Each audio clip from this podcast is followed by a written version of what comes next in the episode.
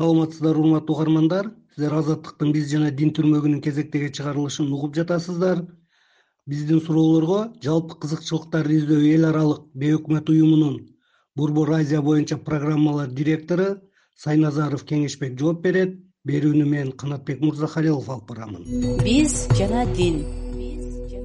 Кеңешбек мырза айтсаңыз кыргызстанда эл аралык уюмдар тарабынан дин багытында кандай долбоорлор жүзөгө ашырылууда алардын дин чөйрөсүнө тийгизген таасири менен дарамети канчалык деңгээлде деп ойлойсуз. Эл аралык уюмдардан дин багыты боюнча долбоорлордон бир канчасы бар. Бирок азыр э, негизги мындай активдүү фазасы ошол эки миң он төрт он бешинчи жылдан баштап эки миң он сегизге чейин активдүү фазасы болчу. Бирок азыр бир аз э, жайлап калды деп айтмакчымын алардын көпчүлүгү э, бир сексен токсон пайызга жакыны тилекке каршы ошол э, экстремизм менен э, радикализмге байланышкан долбоорлор болчу да. Дин десе эле экстремизмге жабыштыра калган долбоорлордон болчу. А калган бөлүгү ошол дин тутуу эркиндиги боюнча багытталган долбоорлор эле ошондой кылып жүргүзүлүп келген ошол эл аралык уюмдар тарабынан э, жүзөгө ашырылган долбоорлордун э, мен үч алкакта карамакмын. Биринчиси бул э, улуттук деңгээлде карай турган болсок ал жерде өткөргөн долбоорлордун көпчүлүгү ошол бир алтымыш пайызы деп коелучу ошол улуттук деңгээлде багытталган. Демек ошол бишкектин тегерегиндеги э, уюмдар бишкектин ошол борбор шаарындагы уюмдардын тегерегинде ошол э, өзгөчө дин комиссиясы э, боюнча менен биргеликте жүргүзгөн иштер улуттук деңгээлдеги ошол институционалдык мынабул нормативдик базаларды институционалдык мынабул дараметтерди көтөрүү боюнча арналган долбоорлор да экинчи бөлүгү бул э, жер жерлердеги э, багытталган долбоорлор деп айтсак болот.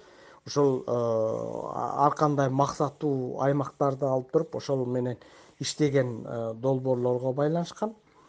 Анан үчүнчү бөлүгү бул ошол областтык деңгээлдерде талкуу жүргүзүү боюнча болчу бирок алардын саны аябай эле аз деп айтмакчымын сиздин баамыңызда кайсыл эл аралык донор уюм диний чөйрөдөгү маселелерди чечүүгө өзүнүн салымын кошууда? Алардын ишмердүүлүгү кандай көйгөйлөргө жана кимдерге багытталган? Бул жерде бир бир канчасын мен санап бермекмин да. Биринчиси бул жанагы мамлекет менен диндин өз ара мамилесин жөнгө салууда. Алгылыктуу бир диалог площадкалары аз санда иштеп Э, иштеп жатат деп айтмакчымын да. Көпчүлүк учурда мынабул э, эл аралык долбоорлор тарабынан э, бир жактуу көбүнчө ошол мамлекеттик структураларды көбүрөөк күчтөндүрүп анан кийин дин конфессиялардын ар кандай дин уюмдарына азыраак мамиле кылып калгандай сезилет анан экинчиси э, жалпы элдин арасында ошол дин менен мамлекеттин э, кантип айкалышып жашашы керек жашоосу керек деген мындай түшүндүрүү иштери аябай эле аз да. Мисалы үчүн кечээ эле э, көрүп атасыңар да бүгүнкү күндө мисалы үчүн жанагы светтик дүнияви деген маселенин тегерегинде билгени деле сөз кошуп атат билбегени деле сөз кошуп атат. Анын арасында кимиси туура кимисинин ою туура эмес эч ким билбейт да.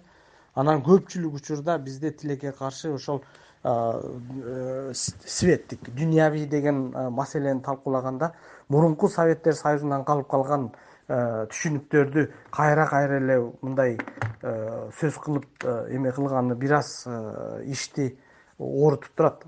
Себеби Э, светтик мамлекет э, дегендин өзүнүн башка формадагы мамлекеттик структуралар э, түзүмдөргө бере албай турган көп артыкчылык жактары бар да ошолорду биз сүйлөшпөй атабыз.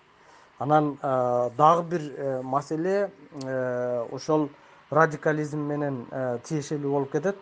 Көпчүлүк учурда ошол калың катмардагы аярлуу деген катмардагы адамдар менен иштөө анча деле жогору болбой калды. Көпчүлүк учурда мамлекеттик жана коркутуп үркүтүүлөрдүн тегерегинде биз ошол ошондой түрдөгү жумуштар көбүрөөк болгондой болуп атат да. Биз жана дин адатта радикалдашуунун алдын алуу зордукчул экстремизм идеологиясынын жаштарга тийгизген таасири толеранттуулукту күчөтүү саясаттагы диндин ролу сыяктуу көптөгөн долбоорлор аяктагандан кийин мамлекеттик органдарга жана башка кызыктар тараптарга аткаруучулар тараптан сунуштар жазылат. Изилдөөчүлөр берген сунуштар иш жүзүндө колдонулуп жатабы же жөн эле кагаз бетинде калып жатабы бизде аябай изилдөө аябай көп. Биздин мамлекеттин ичиндечи. Бирок ошол изилдөөнүн жыйынтыктарын алгылыктуу колдонгон бизде э, мындай механизм тилекке каршы э, жолго коюлбай калды да. Баары эле келип изилдеп туруп э, өздөрүнүн ойлорун айтып кетип атат. Бирок тилекке каршы мамлекеттик структуралардын ичинде ошону бир системалуу түрдө иш жасай турган эмеси калбай калды да. Ошол нерсе аябай өкүндүрөт э, мамлекеттин мындай э, өтө талуулуу деген динге болгон э, мамилеси аябай мындай сууп калгандай да. Мындай приоритеттүү болбой калгандай. А бул деген акыры айланып барып чоң таасирин тийгизиши мүмкүн эгерде мынтип кете бере турган болсочу ошол үчүн азыр кеч болуп кала электе кайрадан үңүлүп ошол э, проблемаларды түбүнөн э, чечпесе болбой калат. Акыркы суроону сиз жетектеген уюмдун ишмердүүлүгүнө багыттасак сиздердин уюм тарабынан дин чөйрөсүнө тиешелүү көптөгөн долбоорлор жүзөгө ашырылып келет. Сиздер аткарган долбоорлордун эң орчундуулары кайсылар? Алар диний коомчулукка мамлекет менен диндин өз ара мамилесин жакшыртууга кандай салым кошо алды деп ойлойсуз? Э, дин тутуу эркиндигин камсыз кылуу боюнча долбоор эки миң он төртүнчү жылдан бери иштеп келе жатат аябай көп э, мындай алгылыктуу э, мындай жыйынтыктарды алып келди. Көпчүлүк ошол нормативдик документтерди кайрадан карап бердик. Бирок тилекке каршы ошолордун баардыгы же өкмөттүн карамагында кароосунда. Же болбосо ошол жогорку кеңештин Э, деңгээлине барып э, бүгүн такалып калды да. Э, жаштардын арасында болуп аткан жумуш жаштан деген өзүнчө долбоор бар. Ошол жаштан долбоорунун алкагында биз мындай радикалдашып кетип атат ошонун жолуна түшө баштады деген жаштар менен ошол эң талуулуу деген жыйырма жетиден ашык ар кандай кыргызстан боюнча коомчулуктарда иштеп келе жатабыз. Э, аябай жыйынтыктары жакшы деп айтмакчымын да.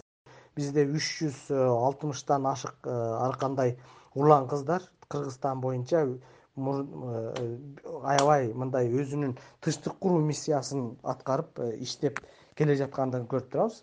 Үчүнчүсү бул борбор азия чөлкөмүндө сиздер билесиздер да биздин чөлкөм кичинекей анан динамикалуу да бир мамлекетте болуп жаткан проблема экинчи мамлекетке тез өтүп кетиши мүмкүн.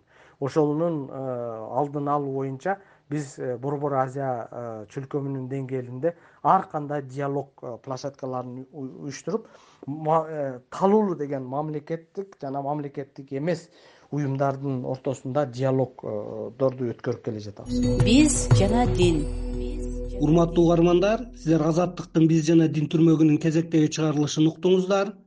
Бүгүнкү биздин коногубуз жалпы кызыкчылыктарды издөө эл аралык бейөкмөт уюмунун борбор азия боюнча программалар директору сайназаров кеңешбек болду. Берүүнү мен канатбек мырзахалилов алып бардым. Аман туруңуздар